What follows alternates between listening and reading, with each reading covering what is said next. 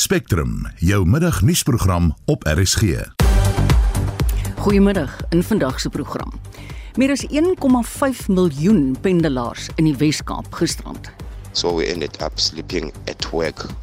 So today I'm stuck even here this morning so that I could go home but I don't know how can I get home. Ons praat met rolspelers oor hierdie jongste. 'n Organisasie wil vroue oor mans se misbruik van beskermingsbevele inlig. En waarskynlik die swaarste dier ooit op aarde ontdek. Welkom by Spectrum. Die redakteur vandag is Wessel Pretorius, die produksieregisseur is Johan Pieterse en ek is Marieta Kreer word motoriste aangeraai soos wat jy nou net in die nuus gehoor het uh, gehoor het om die R55 by Centurion in Gauteng te vermy. Daardie pad word versper weens brandende bande en betogers wat klippe daar gooi. In Mpumalanga op die N4 tolkonssessie was 'n botsing tussen die Van Dyksdrift en Middelburg Plaza wisselaars. Die Middelburgpad is egter oop vir verkeer en in KwaZulu-Natal op die N3 tolkonssessie in die rigting van Durban was 'n botsing net voor Klifdale verwag vertragings in daardie omgewing. As jy enige ander verkeersnuus het, stuur vir ons 'n SMS na 4588910 R50 die eerste woord daar verkeer. Ons het nou gehoor by SD in verband met die situasie in die Kaap wat die taksies betref en ons het gewonder, ons het definitief baie luisteraars in daai omgewing, word jy of 'n familielid of selfs werknemers deur hierdie taksiestaking geraak? Laat weet ons asseblief deur 'n SMS te stuur. Ons nommer is 45889 teen rand 50 per boodskap of jy kan altyd saampraat op RSG se Facebookblad. Ek herhaal net ons SMS nommer 45889. Goed, ons gaan aan met ons program. Dis nou so 5 minute oor 12. Meer as 1,5 miljoen pendelaars, soos ons nou net gesê het, in die Wes-Kaap, is sedert gister gestrand weens die staking van sowat 20000 taksies. Lede van die Suid-Afrikaanse Nasionale Taxi-raad, SANTAKU, in die provinsie. Taksibestuurders betoog onder meer oor beweerde aanrandings van taksibestuurders deur wetstoepassingsowerhede en dat taksies ook geskit word. Santaku dreig dat die staking tot volgende Woensdag sal voortduur en moontlik landwyd kan uitkring indien die minister van vervoer, Sindisiwe Chikunga, nie ingryp nie. Ons praat nou met Santaku se eerste adjunkvoorsitter, Nkeba Enge. Good afternoon. Good afternoon, ma'am, and uh, good afternoon to the listeners at home. Is it only in Cape Town, Nkeba, that taxi operators are striking, or has it escalated to other areas in the Western Cape? No, it's only Western Cape uh, that is embarking on a stairway. If you say only in the Western Cape, how widespread outside of Cape Town as such? Uh, Western Cape. I know I'm not talking about other provinces. I'm referring only to Western Cape. Okay. Province. Yes. So in other words, we can assume that it's the whole Western Cape province. Yes, it is. No, it is. It is because in a meeting that we had yesterday, mm-hmm. all the regions were there. We have eight regions in Cape Town. I mean, in the Western Cape, so all of them were there. Okay. And uh, there, there was a unanimous uh, decision. Some of the reasons why Santaco is striking are allegations that taxi operators are being assaulted by law enforcement authorities. How often does this happen, and how serious are these alleged attacks? Yeah, that, that is part of the reason eh, because it happened on Tuesday and on Wednesday, one of the drivers was shot at. We saw on Tuesday that uh, there was a driver who was uh, being beaten by law enforcement and they even beat the van, the windows of the, the Quantum. But uh, um, the reason is the impoundment. Is that your biggest that gripe? Has, yes, that has increased the tremendously, you know, uh, this year, starting from last year, and and it is really impacting negative to our livelihoods. All these things operators. that happen, do you report them? We report them because we had a, a task team that was formed in March this year whereby Minister of Transport in the Western Cape and also the departmental officials together with uh, K, I mean City of Cape Town are part of the, the task team. So they are aware of all our challenges in that industry. What are the reasons given why taxis are being impounded and what do operators then have to pay to release the taxis?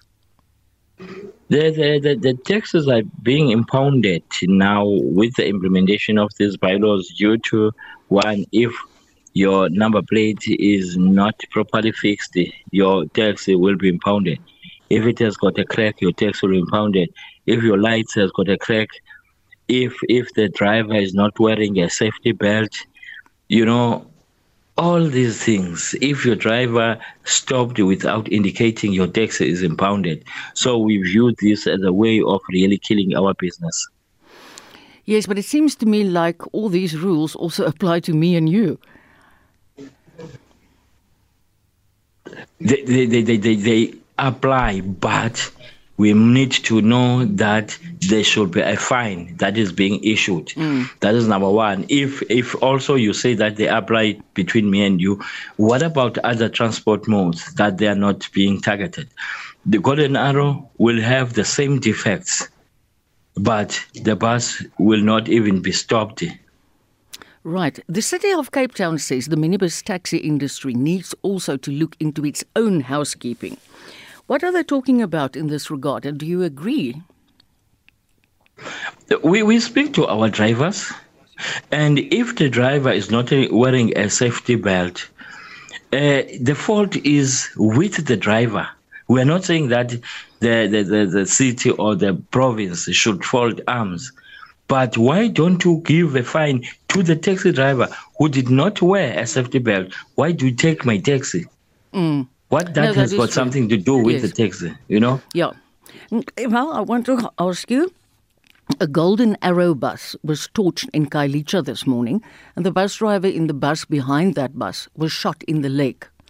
Golden Arrow is a bus service trying to assist passengers that were left stranded during your strike, but buses and bus drivers are being attacked.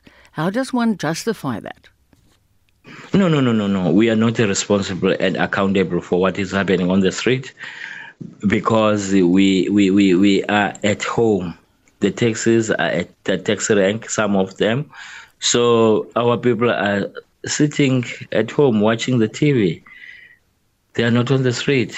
So we cannot be held responsible or accountable for what is happening there. Can you in any way, Nkeba, uh, assure us that commuters will have any alternative mode of transport that the cities provide and that it will not be attacked? I cannot uh, say that it will not be attacked because we are not attacking.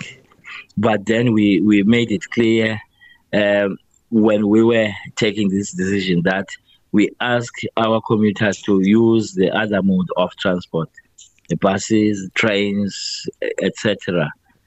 So you're you know, saying you are we, we are open to that. You are not the ones shooting at the uh, Golden Arrow buses or put fire to them. No, no, no, not at all. Have you been able to set up a meeting with the Premier of the Western Cape? When the task team was formed, the Premier was, was part of the meeting together with the Mayor. They, they were part of that meeting. They are aware, mm. fully aware of our challenges. Right. I heard in the news that you're planning to strike till Wednesday. And do you think it will stop after Wednesday or do you think it can even go longer? If, if, if we have not been called, fine, we'll go back to work on Thursday, the 10th, but we'll have to convene and call our members and tell our members that government did not even uh, uh, call us. So what next? So we'll get a mandate from our members, definitely. Okay. Okay, but please tell me exactly how to pronounce your first name. It's Neba. Neba. Because it is, yes. no, it's disrespectful if I do it the wrong way. So thank you very much for your time and I'm sure we will talk soon. Ons het gepraat met Santako se eerste adjunkvoorsitter, Neba Enge. Ek hoop ek het dit nou reg gesê. Talle van die pendelaars wat weens die taxi-staking gestrand is, moet noodgedwonge, soos hy nou gesê het, van busdienste gebruik maak. Maar dit blyk nie sonder ernstige gevolge vir busdienste soos Golden Arrow te wees nie.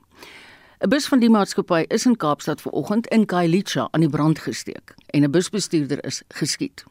Die busdiens het sedertdien al sy busdienste uit Kailicha en Yanga onttrek. Ons praat nou met Golden Arrow se woordvoerder Bronwyn Dyke Beyer. Good afternoon Bronwyn. Good afternoon, Marietta, and to your listeners. When was the bus in Kailicha torched, and how did it happen that a bus driver was shot? So there were actually two incidents of buses being set on fire this morning. Uh, one of the buses, uh, the community actually helped us to extinguish their fire. Um, the other bus uh, was at uh, Terminus in Makaza. Um, the buses were kind of pulling in, and that's where they were targeted. Um, as the one bus was being set alight, um, shots were fired, and uh, as you stated, one of our drivers uh, sustained a gunshot wound to his leg. Do you have any evidence that this was done by Santaco, could, could it have been done by anybody? I think, to be fair, when the taxi strike was uh, announced yesterday, immediately afterwards, these kind of attacks and, and acts of vandalism and crime started. So that is the case. Unfortunately, we are not the South African Police Services. We uh, can't gather evidence and, and make uh, claims. Mm. And so we urge the police services to gather the evidence and to please find those responsible and to send a message that attacking people who are just trying to get home from work, attacking bus drivers, is wrong and it shouldn't be allowed to happen. You've since decided to withdraw your bus services from Yanga and Kailicha, am I right? That's correct. So, unfortunately, our passengers have experienced this before. So, they know that in those areas, um, when things are too difficult to operate from within Kailicha or Nyanga, we have to move completely outside. So, our services, you can travel from, say, Kailicha to Cape Town, but you're going to have to walk to the point where the buses are being staged. Now, oh, Kailicha, as you know, is a huge place. Um, and people are having to walk very long distances. Mm. And if we could, we would go and pick them up where we usually do, yes. but we just can't do that. And and that's also heartbreaking as people are walking these long distances um, just to try and get to work or to school. Especially the elderly. Bronwyn, you were still transporting passengers till after midnight last night. What was the situation during the evening? Marietta, last night was extremely difficult, probably one of the most difficult um, times we've ever had trying to provide services. Um, obviously, uh, passengers went to work uh, across different modes yesterday as they normally would, um, and many, many, many thousands of people took a taxi to work. And then wherever they were, they were stranded um, because none of those taxis were available to take them home. And so uh, Metro Rail obviously is offering limited services. Uh, My City uh, offers some services, but we had to obviously pick up the bulk of that. Mm. Um, and our aim in these cases is always to try our best to get everybody home. And last night was even more difficult than usual because uh, roads were closed. We were trying to get our buses back into town. We couldn't. We had to wait for the N2 to open. Um, so it was extremely difficult. Um, and coordinating it, it, it, was very, very difficult. But one thing I have to say is uh, I'm so proud proud to work with the, my colleagues, uh, our bus drivers, everybody behind the scenes that made this happen because yesterday and, and today it's been very, very difficult. But I know that everybody's trying their best because mm. we're not going to leave people behind. We can't do that. Yeah, I'm sure it's very stressful. Thank you so much Bronwyn. Ons het gepraat met die woordvoerder van Golden Arrow, Bronwyn Dyke Beyer. Ons is op pad na 17 minute oor 12. Die premier van die Weskaap, Ellen Windy, eis dat Santaku taxi leiers samesprekings belê met die Wes-Kaapse regering en die Kaapstadse Metro om langdurige kwessies van die taxi-bedryf uit te pleis. Wendy sê hoewel Santaku die reg het om te staak, is 'n gewelddadige staking nie die oplossing vir taxi-operateurs se gruwe nie. Ons kon nie met die premier, meneer Allan Windy praat nie, maar ons praat nou met die Kaapstadse burgemeesterskomitee lid vir veiligheid en sekuriteit, JP Smit. Goeiemôre JP. Hallo JP. Uh, middag. Daar sê jy, ons het jou. Hoe lyk die pendelaar situasie in die stad vandag in vergelyking met gister JP? Uh baie van die areas het uh, uh, busvervoer um, en mense uh, kan uh, vervoer uh uh het toegang tot vervoer uh deur die addisionele uh pogings wat gemaak word deur uh Golden Arrow. Mm. Uh ongelukkig is daar 'n paar areas soos wat Bronwyn beskryf het waar daar uh aanhoudend gevalle op voertuie is. Vanoggend is een van hulle busbestuurders geskiet in die been um en ja. sy bus aan die brand gesteek. Hy het die ja. bus self geblus voor hy na die polisie gaan het en 'n saak geopen het. So mense moet regtig om uh mense se bewondering uitspreek vir iemand met daai tipe toewyding. Ja. Um en hy het um Uh, so ons moet in daai gevalle soos hy gesê het, het ons staging areas, afline optel areas wat ons beveilig waar mense kan loop. Dit is um, nie ons eerste staking nie. Hierdie gebeur elke 6 maande of 'n jaar. Mm. Uh, so ons het al baie oefening gehad om hierdie um operasionele plan te ontplooi. Um en in hierdie uh verband het ons ook areas waar ons die voertuie um, begelei tot uh by die verskillende optelpunte ehm um, binne in uh van die gemeenskappe, maar daar's ander waar ongelukkig jy net 'n versamelpunt kan hê. Uh vir die res van dit het ons ver oggend gesien dat ehm um, daar uh wel uh uh ander insidente was ehm um, uh van van aanvalle op ons voertuie en klipgooi insidente, rommel op die paaie net soos gister en basies het ons uh gister se situasie uh is met dit enigsins het baie om voor te antwoord want hulle het ja. doelbewus chaos geskep gister om die verkeer so moeilik as moontlik te maak. So soos wat Ellen gesê het en soos wat die burgemeester ook gesê het, dis een ding om jou dienste te weerhou, dit is 'n ander ding om gewelddadig op te tree. Dit is nie net uh, onaanvaarbaar nie, dit is onwettig en krimineel en ons het 'n tip of lyn waarvoor ons vir, vir mense gevra het as hulle enige inligting het om asseblief op 0800 110077 uh ons te in kennis te stel sodat ons kan seker maak daai persone word vervolg. Gee vir ons weer daai nommer asseblief tot JP. 0800 11 0077. 110077. Ja, want ons het gistermiddag in Spitsberg het ons gehoor daar was 'n luisteraar wat laat weet het van wie die verkeer wat herlei moes word af van die N2 af. Haar reis van Kaapstad na Somerset-Wes, haar 3 uur sou neem. So dit is eintlik nogal 'n groot kom ons sê probleem. Dit was moedswillig en opsetlik gedoen. Hmm. Daar's 'n groepe taksies wat stadig op die pad uitgegaan het en die pad versper het en go slow gedoen het sodat al die karre agter hulle ophoop hmm. en toe is daar um, voertuie in die brand gesteek op spesifieke afdraaipunte om te verhoed dat die verkeer kan uitvloei daar en dit het die polisie op een stadium um 3 of 4 uur gevat om hulle forensiese fotograwe by die toneel te kry en in die tussentyd het die verkeer opset chaos geraak. Mense het afgedraai op allerlei afdraaipunte en goed en verdwaal. So dit was dit was regtig moeilik uh gister en ek moet sê ek plaas die blame vir vir daai onnodige gas op die skouers van die die taxi verenigings wat verantwoordelik is hiervoor. Nou sê so Ontario aan die ander kant JP, hulle het geldige redes wat hulle gedwing het om oor te gaan tot aksie. Maar wat presies is hierdie langdurige kwessies in die taxi bedryf waarna die premier verwys het? Daar's geen geldige rede ooit vir geweld nie.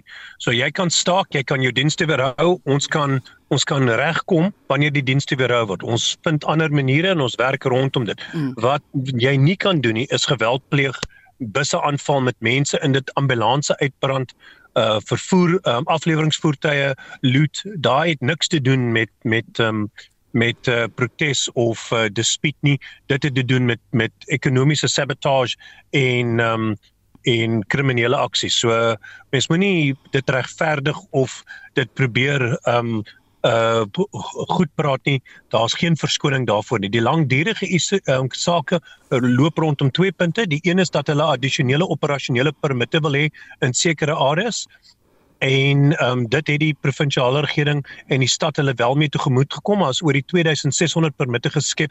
'n uh, klomp van daai wat 700 of so is ehm um, uitgesit uh vir um, hulle om te gebruik en van daai is daar nog 300 waarvoor plus waarvoor nie eers aansoek gedoen is nie.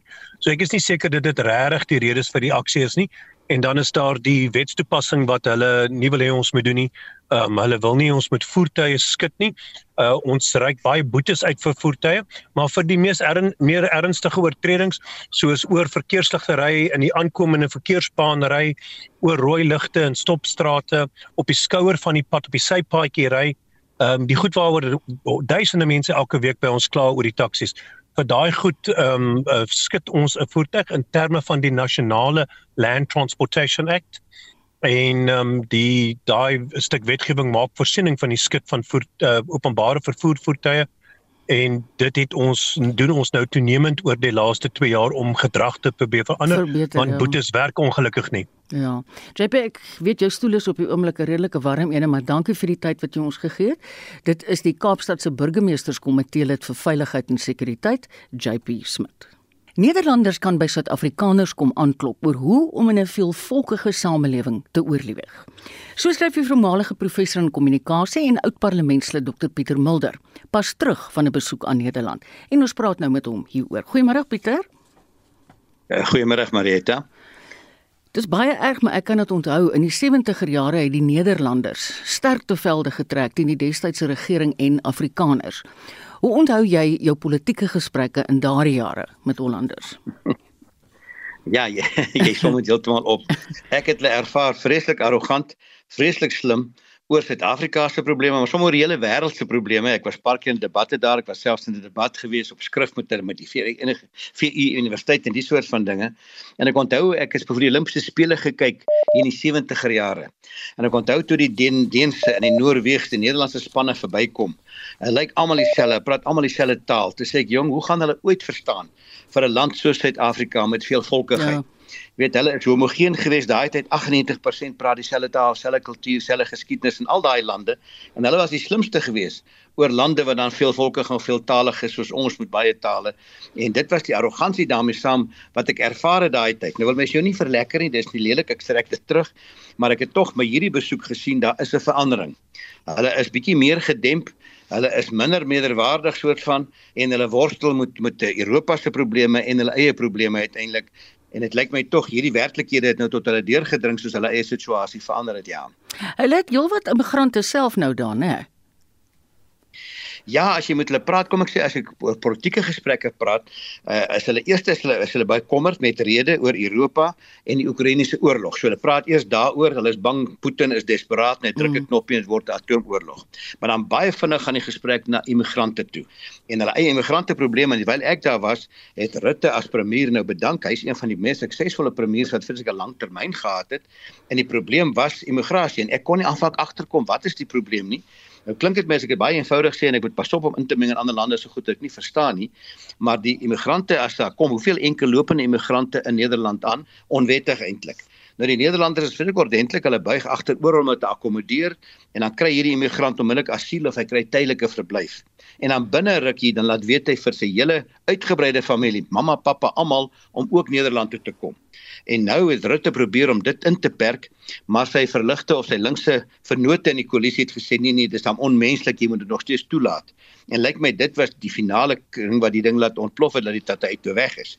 Nou as ek nou ligte trant kan sê, hy's 'n gewilde premier wat fietsry werk toe met sy twee leiwagte wat fietsry agter hom aan en ek het hardop gedink aan ons eie adjunk president met 'n fiets met sy met ja, sy uh, gewelddadige soort van manne agterop. Nee, vreemde prentjie. Vreemde prentjie wat ek nie kon insien, maar dit was die probleem. Nou ek kon nie verstaan nie. Onthou nou die moslems is maar 5% van die bevolking. Uh hoe hoe kom ons dit so 'n probleem? Ons werk in Suid-Afrika met baie groter minderhede en meerderhede, maar dan is hulle baie gou vir jou te sê, ja, maar onthou, die 500ste moskee word hierdie jaar in Nederland gebou. En dat hulle veral verontwaardig dat die moslemlande van buite die finansiering daarvan verskaf. Toe ek gereageer het, sê ek maar julle moet eintlik dankbaar wees. Dit kos julle nie 'n sent nie. Dit word van buite gebou en toe verstaan ek eers hulle moeilikheid. Hulle sê ja, maar die feit dat dit gebou word deur buitelandse lande maak dat die assimilasie van die moslimbevolking vertraag word en eintlik stop. En ek dink dis die kern van die probleem soos ek van buite af gekyk het. Hulle immigrasiemodel misluk. Met ander hulle model was gewees ons is almal is welkom, ons is baie oopgemoed, maar dan wil ons julle kultuur insluk, ons wil julle taal insluk, ons julle godsdienst insluk, julle moet soos ons word en sommige bevolkingsgedeeltes wil nie word nie. Ja. Weet daar's heeltemal dorpe daar op hulle eie, daar's Marokkaanse dorpe, daar's Turkse dorpe, daar's moslim dorpe waar die waar die gemeenskap se eie moskee sit, sy eie winkels, sy eie gemeenskapsinstellings, selfs sy eie media. En nou is hulle ongelukkig dit hoort nie so nie. Hulle moet inskakel. So ek kry die indruk hulle weet nie hoe om 'n heterogene land te hanteer nie. Hulle kom uit 'n homogene omgewing. Hulle weet nie hoe meer as een groep van volk, kultuur, taal te hanteer nie en dis die spanning daarmee saam met daarmee. En dis toe ek by die stoute gevolgtrekking gekom sê jong, hulle gaan nog by ons 'n draai moet kom maak om te kom leer by die Afrikaners hoe oorleef jy in 'n veelvolkige samelewing. Ons het al 100 jaar ervaring daarvan en ek kry die indruk hulle en die hele Europa worstel tans daarmee. Pieter, het jy die indruk gekry dat ehm um, hulle wil amper sê uh, negatief is oor die immigrante? Hulle probeer dit wegsteek, maar dis nou baie lekker om te sê ander lande advies te gee en solank die probleem ver van jou is. Die een sê vir my, hulle kan kom, maar hulle moenie agter my huis 'n moskee bou en my skreeu elke oggend my wakker skreeu nie, verstaan? nou dis veel volkigheid. Ja, dis ja. kultuurverskille wat geakkommodeer moet word. Ons is gewoond daaraan. Ander een sal by jou kla en sê, "Hulle is welkom." Maar hulle moet nie hierdie klere dra waar jy net die oë van die vrou sien nie. Nou weer 'n keer, uh, dis dis iets van 'n aanpassing wat wat jy moet maak En solank die probleem ver is, is jy baie slim soos hulle was in die ou dae, maar nou dat jy op sy voordeur is, nou is dit onomgevaarbaar uiteindelik. En dis hoekom ek sê ek dink die model het misluk. Hulle het geglo die mense gaan soos baie ander groepe het wel ingeskakel het wel deel geword van die samelewing, maar dit lyk my sekere gemeenskappe wil nie deel word nie. Hy hou sy kultuur, hy hou sy sy godsdiens, hy hou sy taal en ons is gewoond daaraan. Ons ken dit in Suid-Afrika en ons akkommodeer dit, maar hulle worstel nog daarmee, hoe moet ons dit akkommodeer? Uh, want dit skielik ontwrig my lewe en ek moenie my lewe ontwrig nie en dit maak weerstand daarso in so 'n klein landjie waar daar nie baie plek is vir baie hmm. mense nie. Dis die waarheid. Het hulle enigsins tydens jou besoek jou raad gevra? Nie re nie regtig nie. Ek het diep geskit om nie lekker te kry oor sommige van die probleme nie, want ek het verstaan presies wat dit is. Ons weet hoe dit is en ek het teruggedink aan hoe dit was. Uh hulle is nog bietjie met die Mandela droom en die idealisme van van Suid-Afrika, so ek het nie probeer om ons advies af te dwing op hulle nie. Uh so hulle het nog nie regtig advies gevra nie, maar ek voorspel Hulle gaan op 'n stadium kom om te sê, "Jong, hoe werk hierdie veelvolkige lande, veeltalige lande? Hoe akkommodeer jy? Hoe werk eenheid in verskeidenheid? Want dis ons slagspreuk, eenheid in verskeidenheid en daai les moet hulle nog leer en ek dink hulle kan by ons kom leer en ek glo hulle sal uiteindelik wel by ons uitkom, ja." Baie dankie Pieter, die voormalige parlementslid Dr Pieter Mulder. Shaun Justus sluit nou by ons aan vir die jongste sportnuus van die dag. Middag Shaun. Middag Marieta. Die DStv Premierliga skop vanaand af en Banyana Banyana maak reg vir 'n reuse kragmeting by die FIFA Vroue Sokker Wêreldbeker toernooi, né? Ja, Mamelodi Sundowns stakel seker Koene vanaand om 08:30 en is op soek na hulle sewende agtereenvolgende en 17de algehele Premierliga titel. Nou môre aand 8:00 is dit ook Stellenbosch FC teen Orlando Pirates en dan Sondagmiddag 3:00 Kaizer Chiefs met 'n nuwe afrigter teen Chippa United. Cape Town Spurs en Polokwane City is die twee nuwe spanne in die liga. Dan Banyana Banyana het reeds met die wêreldnommer 16 Italië afgereken, gelyk op gespeel teen die nommer 28 Ar Argentinië en dan Nalskraap verloor teen die nommer 3 Swede. Nou hulle draf Sondagoggend 4:00 Suid-Afrikaanse tyd teen die wêreldnommer 9 Nederland in die laaste 16 ronde op die veld net in die selfvertroue is baie hoog so ek dink hulle is uh, gereed vir daardie kragmeting. Een ding ek hoop so so want ek weet die Hollanders speel verskriklik goed uh, sokker. Dis goed om so baie van die plaaslike kriketspelers reeds op die SA20 spanlyste te sien. Ja, die ses Suid-Afrikaanse franchises het hulle voorlopige spanlyste bevestig. Nou elke span bestaan uit 19 spelers wat dan minstens 10 Suid-Afrikaners moet insluit. Nie meer as 7 oorseese spelers mag hê nie. En dan is daar ook nog een plaaslike nuweling wat onder 22 jaar oud is en nie voorheen SA20 cricket gespeel het nie. Nou uit 'n minimum van 66 is daar tot dusver 60 Suid-Afrikaners se name bevestig. Nou kom ons kyk gou van van hierdie groot name en wie hulle gaan verteenwoordig. Die Durban Super Giants het Quentin de Kock en Keshav Maharaj, Joburg Super Kings het Faf du Plessis en Gerald Coetzee. Dewald Brewers en Kagiso Rabada speel vir MI Cape Town. Paul Royal spog met David Miller en dan die Engelsman Josh Butler. Andrieg Norke dra die Pretoria Capitals stry en Aiden Makram en Marco Jansen is Sunrisers Eastern Cape spelers. Nou die Capitals het nog 9.7 van hulle 39.1 miljoen om te spandeer by die veiling wat op 27 September plaasvind. En dan Marietta wil ek dit ook laastens herinner dat die Proteas vanaand 6uur by die netbal wêreldbeker toernooi teen Tonga speel. Nou hulle poog om nog 5de te kan eindig en dan die Springbokke draf môre aan 10 oor 9 in en teen Argentinië in 'n rugby wêreldbeker opwarmingswedstryd op die veld uit. Nou ek dink ons gaan Sondag in die kerk 'n hele paar ouens sien wat lekker gaan gaap. Baie dankie, dit was Shaun Jooste van RSG Sport. Wennereis na die finaal. Die polisie het die week 13 lyke van onwettige mynwerkers tussen Port Nolloth en Kleinsee in die Noord-Kaap ondergronds uitgehaal. Hulle is dood toe 'n tonnel by 'n proefmyngebied ineengestort het. Vir meer hieroor praat ons nou met die Nama Koi plaaslike munisipaliteit se woordvoerder Jason Mulford. Welkom terug by ons Jason. Uh, dankie Marieta. Waar staan sake op die oomblik? Uh, die polisie het uh, het uh, die operasie gestaak of sou ek sê die opsporing operasie gestaak. Hulle het die gebied veilig verklaar En ja, uh, vir hierdie week uh, was daar 13 lyke uitgehaal, maar in twee afsonderlike gevalle. Uh, die ene geval was maandag aand en uh, dit het op 'n ander gebied uh, plaasgevind en uh, dan die ander 12 ehm um, was dan nou waar uh, naby Kleinse waar die polisie dan nou ehm um, die 12 uh, persone uh, opgespoor het. Hmm. Ehm um, ons kan op hierdie stadium sê dat uh, van hierdie uh, persone is buitelanders, maar hulle is nog in die lijkhuis en moet nog geïdentifiseer word. Maar van die plaaslike mense is hulle al uitgeken. Op hierdie stadium blyk dit nie asof daar enige uh, plaaslike inwoners bedoelende die wat nou in 'n direkte Namakoland omgewing is nie. O, regtig, so dis meestal buitelanders. Dis meestal buitelanders en of uh, Suid-Afrikaanse burgers van ander gebiede. Ek verstaan. Jason, wat gaan julle ouens nou doen om die naasbestaandes van hierdie mense op te spoor, veral dies in die buiteland? En wat doen julle intussen tyd met die liggame? Uh die liggame word uh, by die lijkhuis gestoor uh, totdat uh, die owerhede met indien dit uh uh burgers is van ander nasionaliteite dat hulle um met die owerhede in verbinding tree sodat die, die persone kan teruggaan na hulle lande toe en sodoende kan hulle daardeur families uh, uitgeken word. OK. Daai plaaslike gemeenskap waar jy nou is en 'n klein bietjie weier. Wat is hulle reaksie op al hierdie dinge? Die mense is eintlik verpletter. Dit is nie die eerste voorval nie. En ek wil myself uh, verstout deur te sê dit is nogal iets wat in Namakoland aan gewoond geword het die afgelope tyd maar dit is 'n seer wat nooit gesond kan word nie want daar is al soveel lewensverliese. Ja. En ongelukkig kan daar nou nie tot 'n punt gekom word om om die dialwerheid te formaliseer. Uh, 'n Regering moet ingryp om dit te formaliseer uh, sodat daar 'n regte toerusting verskaf kan word. Uh, Namakoland is bekend vir sy vir sy ambagswerkers. Mm. Um ons voorouers was ambagswerkers, uh, verstaan die huidige jong mense is ambagswerkers. Uh, uh, ons ons is mynbou en uh, agrimense. Ja.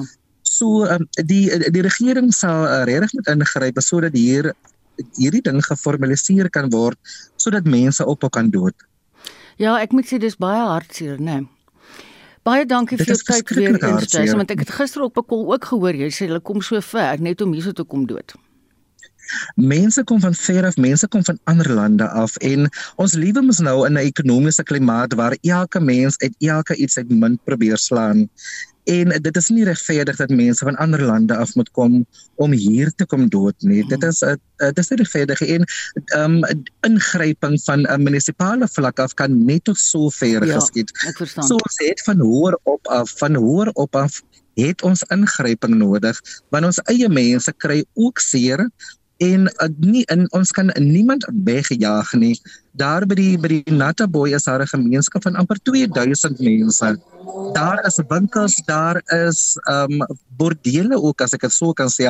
Mense het hulle ingeburger daar en daar sterf amper op 'n weeklikse basis sterf daar mense. Mense hoor nie altyd van die gevalle nie, maar mense kry seer.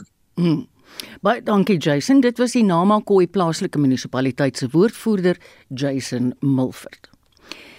Die verslag oor die ondersoek na die gebeure wat verband hou met die Russiese vragskip die Lady R sal na verwagting vandag aan president Cyril Ramaphosa oorhandig word. Die president het afgetrede regter Phineas Moyapelo en 'n paneel aangestel om beweringe te ondersoek dat Suid-Afrika wapens aan Rusland verskaf het wat in Desember verlede jaar op die Lady R in die Simonstad se vlootbasis gelaai is. Ramaphosa se woordvoerder, Vincent Magwenya, sê die president sal die verslag bestudeer en dan 'n besluit daaroor neem. The panel concluded its uh, investigations on the 18th of July as per the established deadline. There was a submission that arrived late, which caused a minor delay. However, the chair of the panel, Judge Phineas Mujapelo, did not request a deadline extension. Once the president has consumed the report, he will then decide on the actions to be followed as guided by the report and on the aspects of the report that will be made public. So sê president Ramaphosa se woordvoerder Vincent Magwenya. Nou wonder 'n mens as ons by die storie bly en ons praat nou met die DA se skadu minister van verdediging Kobus Maree. Goeiemôre Kobus. Goeiemôre Marieta, goeiemôre aan jou luisteraars. Ek wonder nou net soos ek hardop gedink het, hierdie dele wat hy nou sal besluit wat bekend gemaak kan word. Is jy bekommerd dat net sekere dele van die verslag onder ons oë gaan kom?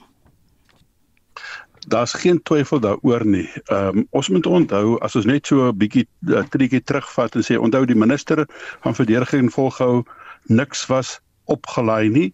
Sy het daai F-woord gebruik en niks was onwettig of onreëlmatig afgelei nie. As dit die geval is, eerstens moet mense sê waarom het jy 'n paneel van ondersoek nodig?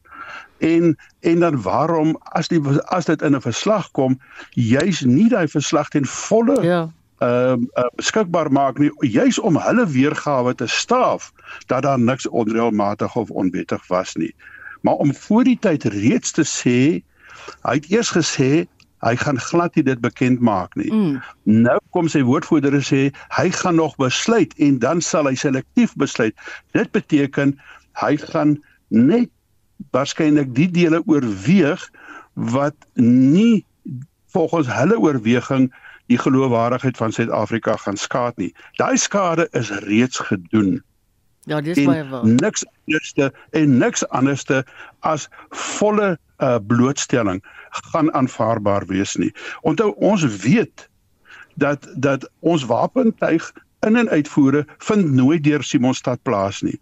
Daar was 'n besluit gewees dat daai skip sal verby Tafelbaai hawe vaar, sal op die Agulhasbank lê en op 'n onreëlmatige en waarskynlik onwettige wyse aandoen in in Simonstad waar hy waar hy vergesel is deur twee vlootskepe om in te kom. Hmm. Dit kon net op die hoogste vlak goedgekeur gewees het. So om om om enigsins te sê en te beweer dat die inligting wat ons het en wat die Amerikaners het, is dan nou nie waar nie, daar's nie geloofwaardigheid in nie. Ek ek wil dit sal dit sal die hele spekulasie vermeerder en dit sal beteken dat ons geloofwaardigheid is net verder en verder uh onder verdenking. So so so as hy selektief is, dan is dit eintlik 'n vorm van van van skulderkenning. Ehm um, anders as as dit kan kan dit nie kan dit nie van enige waarde vir ons wees anders as om net ons te swakker te laat lyk nie. Dis vir my so 'n non-oefening en dit kos baie geld. Wel dit wys vir jou dit is dit die, die hele oefening se rede is omdat daar omdat daar geloofwaardigheid is in die aantuigings. Want ek as as Kobus Maree van die DA het reeds van hy eerste Woensdag al ge, geweet wat is op hy skip en ek het nadat die wapens of die ammunisie wat afgelaai was weg is uit Simonstad uit het ek eerstehandse inligting om te weet dat daar was nog steeds vrag gelaai op die nag voordat die skip die oggend vroeg vertrek het. So om dan nou te beweer dat daar was niks gelaai nie uh terwyl ons weet dit was nie appels en pere nie is is eenvoudig so so ongeloofwaardig Ehm um, en en of hulle iemand onder die bus wil gooi, weet ek nie, maar om om te ontken dat daar iets gelaai was. Ehm um, onthou die minister, ek wil net erken uh, uh, herinner, die minister het selfs op 'n stadium gesê hulle het niks gelaai nie en toe het sy weer gesê daar kon dalk dalk klandestiene individue of partye gewees het wat ja. iets gelaai het. Mm, ek het dit gehoor. In elk geval ons gaan binnekort beslis weer met jou gesels vir die eenvoudige rede dink hierdie saak gaan 'n bietjie by ons bly. Dit was die DA se skadu minister vir verdediging, Kobus Maree. Dis Vroue Maand en die vroue organisasie 1000 Women One Voice wil vroue oor mans se misbruik van beskermingsbevele inlig. Ter viering van die organisasie se 20ste bestaanjaar word 'n bespreking oor kinderonderhoud en geldelike steun vir ma's ook gehou by die Aardskyp Theater in Kaapstad. Met een van die sprekers, die direkteur van 1000 Women One Voice, Tina Tiart. En ons praat nou met haar. Goeiemôre Tina. Goeiemiddag Marie. Hoe gaan dit? Goed, dankie met my. Dankie met jou. Nee, ons is baie bly want soos jy gesê die van hierdie maand het ons 'n baie groot viering en ons het al reeds gister 'n funksie gehad en op die 8ste gaan al ons uh uh vernote by die aardskyps wees. So baie dankie vir hierdie onderhoud. Nee, ek ek is dankbaar vir die werk wat julle organisasie doen. Kyk, onder meer gaan die veld tog regskennis voorsien aan vroue. Is deel van julle vroue bemagtigingsinisiatief die raad wat julle vir vrouens kan gee oor beskermingsbevele. Ja, Marita, uh Marita, ons het nou vele ehm um, nuus van die vroue self gekry dat sodra hulle 'n uh, bevel uitneem, onmiddellik die volgende dag is daar 'n bevel teen hulle. En ons het ook gesien by die hofsaake wat ons bywoon dat vroue ge uh geïdentifiseer word en dan word daar ook 'n uh, beskermingsbevel teen hulle uitgereik sommige van die mans kla ook die vroue aan dat hulle vrees vir hulle lewe want die vrouens vroue gaan hulle vermoor. Maar ons weet dis net 'n aksie sodat hulle die vrou kan kry om die saak te laat los. Ja. Om om om alle sake teen hulle terug te trek. So ons vra vir vroue om baie bedagsaam te wees. Ons vra ook dat hulle vir ons laat weet sodat ons genoeg van hierdie inligting kan hê om dit dan verder te voer met die polisie en met die reg. Tina, hoe groot is die probleem van gebrekkige kinderonderhoud? uh baie groot. Daar vroue sukkel vreeslik by die howe. Daar is baie wat soos jy kan sê, hoepels wat mans kan deurspring. Hulle daag nie op nie vir die vir die vir die hofsaake nie. En sodra die dit toegestaan word, dan hou hulle op betaal. Hulle verlaat selfs hulle werk sodat hulle kan bewys dat hulle nie geld het nie. En hulle maak ook onderhandelinge met van die families om hulle geld weg te steek, so die vrouens nie die geld in die hande well. kan kry nie. Maar onthou dis nie die vroue nie, nê? Nee, nee, nee. Daai geld is ja. vir kinders. Ja, ja, ja, ja, ja, ja, ek hoor jou. Tina baie sterkte vir Dinsdag. Ek dink julle doen wonderlike werk om vrouens te bemagtig. Dit was die direkteur van 1000 Women, One Voice, Tina Tiart. Sakenuus word nou aangebied deur Jan Gerber, portefeuljebestuurder by Sanlam Private Welvaart in Stellenbosch. Goeiemôre Jan. Goeiemiddag en goeiemôre aan al die luisteraars. Op die Johannesburg se effekte beurs skop die oggendsessie goed af met die indeks 217 punte hoër op 76960, oftewel 'n kwart persent beter vir die dag. Dit is vir al die finansiële indeks wat die beste vaar en is bykans 2% hoër. Die nywerheidsindeks is ook 'n kwart persent sterker terwyl die Hulbron indeks met meer as 'n persent laer verhandel. As ek na die vernaamste aandele kyk op die beurs, sit Standard Bank wat uitstekend presteer en bykans 6% hoër verhandel op R193 per aandeel. En dit na hulle baie beter opgedateerde handelsverklaring uitgereik het met die verwagtinge vir 'n wins per aandeel tussen 35 en 40% beter te wees oor die eerste helfte van die jaar. Capitec volg ook die momentum met die aandeel 3,4% hoër terwyl Absa en Nedbank ook 1,9 en 1,3% hoër verhandel. Aan die verloder kant is dit die goudmaatskappy AngloGold wat baie onder kom nadat die swakker as verwagte finansiële syfers vanoggend uitgebring het. Die aandeel verhandel 4,5% laer op R342 per aandeel. Gold Field word op 3,7% terwyl Omni Gold ook 2% laer verhandel die rand wat van sy swakste weke die jaar nog beleef het, bly onder druk en verhandel nou teen R18.73 teenoor die Amerikaanse dollar. R20.5 teenoor die euro en R23.78 teenoor die Britse pond. In die buiteland lyk beurse jou wat beter. Die Hang Seng in Hong Kong het vanoggend met 0,8% in die groen gesluit terwyl die Japaneese Nikkei onveranderd vir die dag geëindig het. In Europa is die Duitse DAX effe positief terwyl die Franse CAC 40 indeks met 0.5% sterker verhandel. In Amerika was die groot nuus gisteraand na marksluiting die kwartaalsyfers van die twee megategnologiese reuse Apple en Amazon. Met beide die maatskappye wat beter wins wat ook verkoopsyfers gelewer het. Apple het wel swakker gepaar met sy iPhone verkope en dit wil voorkom die aandeel bietjie laer oopmaak vandag. Amazon aan die ander kant het baie positief gereageer op die syfers en die aandeel behoort meer as 8% hoër op te maak. As ek na die opsiemark kyk, lyk dit of die S&P 500 met 0,4% hoër gaan oopmaak en hierdie mark maak 0,35 Suid-Afrikaanse tyd oop.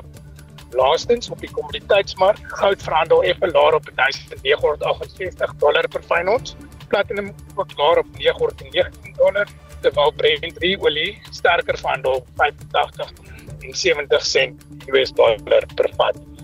Daarmee sê ek baie dankie en 'n lekker middag vir al die luisteraars. Dankie Rian dieselfde vir jou. Dit was Rian Gerber, portefeuljebestuurder by Sanlam Private Welvaart in Stellenbosch. Wetenskaplikes sê hulle het heel moontlik die swaarste dier wat die aarde nog ooit bewoon het ontdek. Dis 'n walvisspesies wat na raming 200 ton geweg het. Nou kom ons kry net vir ons 'n vergelykbaarheid. Dit is gelyk aan 33 olifantbulle of 67 renosterbulle. Die fossiel is in 'n woestyn in Suid-Peru ontdek, van daardie naam, Paraketos colossus. Vir meer hieroor praat ons met professor Henk Bouman van die departement dierkunde aan die Noordwes Universiteit. Goeiemôre Henk. Goeiemiddag Mariette en luisteraars. Wat weet ons nog van hierdie oerwalvis? Wel, die ding soos jy gesê het is enorm en sy spesies naam Colossus Colossus doen nogal redelik gestalte daaraan. Ehm um, die dier is nie so lank soos die blou walvis wat die grootste lewende dier is en wat nog tot dusver die rekord gehou het nie. Mm. Maar dit is heelwat ronder, baie baie ronder. En die ander ding wat hom uit laat uitstaan is die digtheid van die bene. Die bene is geweldig dig en baie swaar, swaarder as normaal. En uh dit maak hom dan dis die swaarste dier wat daar ooit was waarvan ons weet een van die rugwervels byvoorbeeld 300 kg en dit is nogal enorm. Is jy ernstig? Ja. Die die die ding is dat toe hulle dit uitgegrawe het, dit was so groot dat hulle nie eens geweet het hulle werk met met 'n fossiel nie, 'n fossiel van 'n dier nie. En nou kon jy mooi sien weet, omdat dit hmm. so buite verwagting was, jy weet, sit hulle daar so en kyk na die ding en ehm um, daar's net 13 wêrelds en 4 rivers opgegrawe. En dit was 'n lang lang taak geweest om al daai goed natuurlik na Lima te kry, die hoofstad in Peru en dan van daar af na ander plekke toe, onder andere na Brussel toe waar daar gekyk is na die digtheid van die bene. Hulle het nogal gesukkel om hierdie goed rond te beweeg en uit nou weet uit te dink wat dit is. Nou die ja. probleem is dat as jy net rugwervels het, en 'n paar ribbes en jy het nie die skedel nie, dan kan jy nou nie regtig gaan verder uitdink wat hy eet nie, maar met daai enorme massa van van van van, van die ehm um, walvis ehm um, kan dit nie 'n predator wees nie. Jy kan nie so swaar en so vinnig swem nie. Dus jy het waarskynlik dan plantmateriaal geëet. Mm, dis baie waar. Jy kan dit aflei daaruit. Wat beteken hierdie fonds ja. vir die argeologiese en die wetenskapsvelde? Wel, hierdie fonds hier is in, in wat 39 miljoen jaar is die naaste beste bepaling wat hulle het gelede.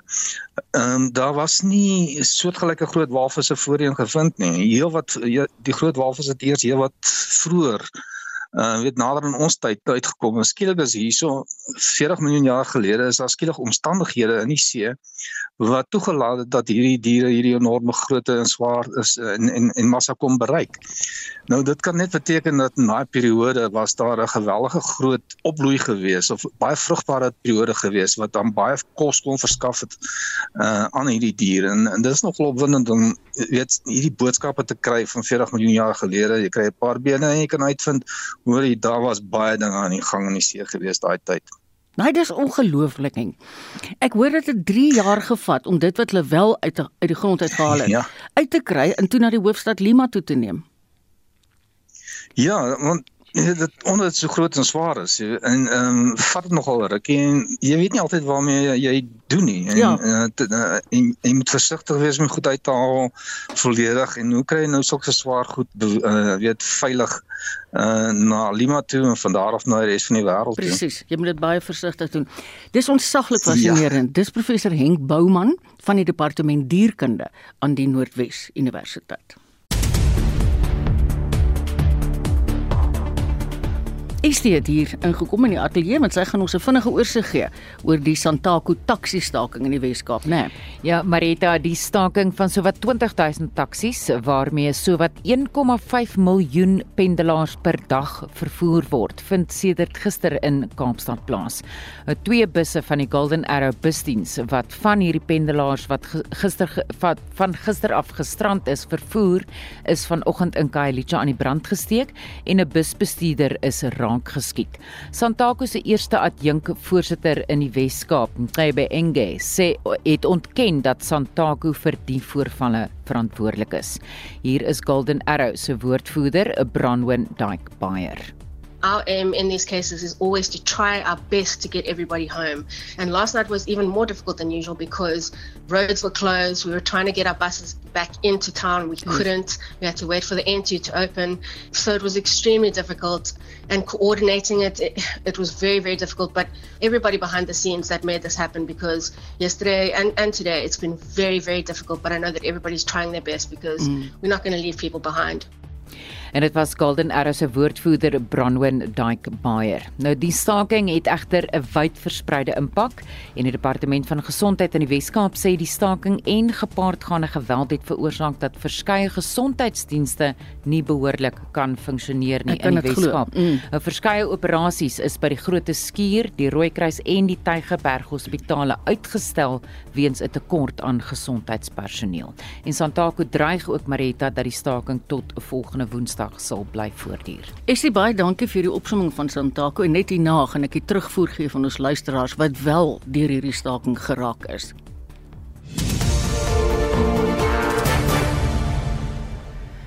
Dit was presies ons brandpunt vraag vandag aan ons luisteraars in die Weskaap. Dit Maritje Barnard van haar laat hoor en sy sê ons dogter verpleeg by 'n hospitaal in Mowbray in Kaapstad. Nou met die taxi staking het weinig personeel gister vir werk opgedaag. Sy sê sy en 'n paar ander kon vir nagskof opdaag gisterand. Hulle het die hele nag tussen die sale rondgehardloop om al die werk gedoen te kry. Een ding ek kan dink. 'n Ander luisteraar sê dit het gister 2 ure geneem om by die huis te kom. Absolute chaos op die N2. En die persoon is baie jammer vir ander mense wat glad nie by die huis kom uitkom nie. 'n Ander luisteraar het 'n punt beet. Openbare vervoer was altyd 'n pluspunt in die Kaap. Dis 'n nagmerrie sedert verpolitisering.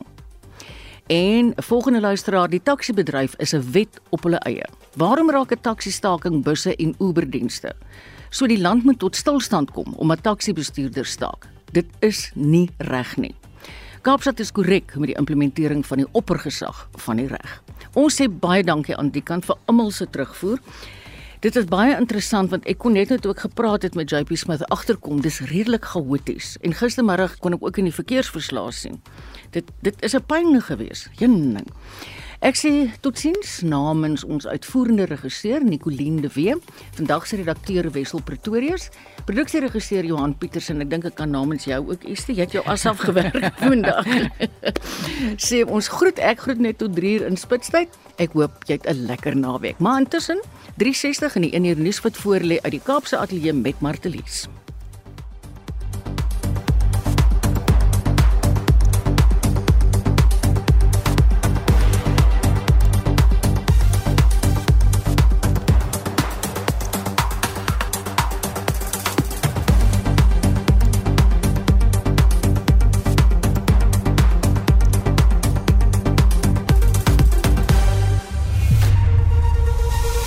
SAK nuus. Onafhanklik, onpartydig.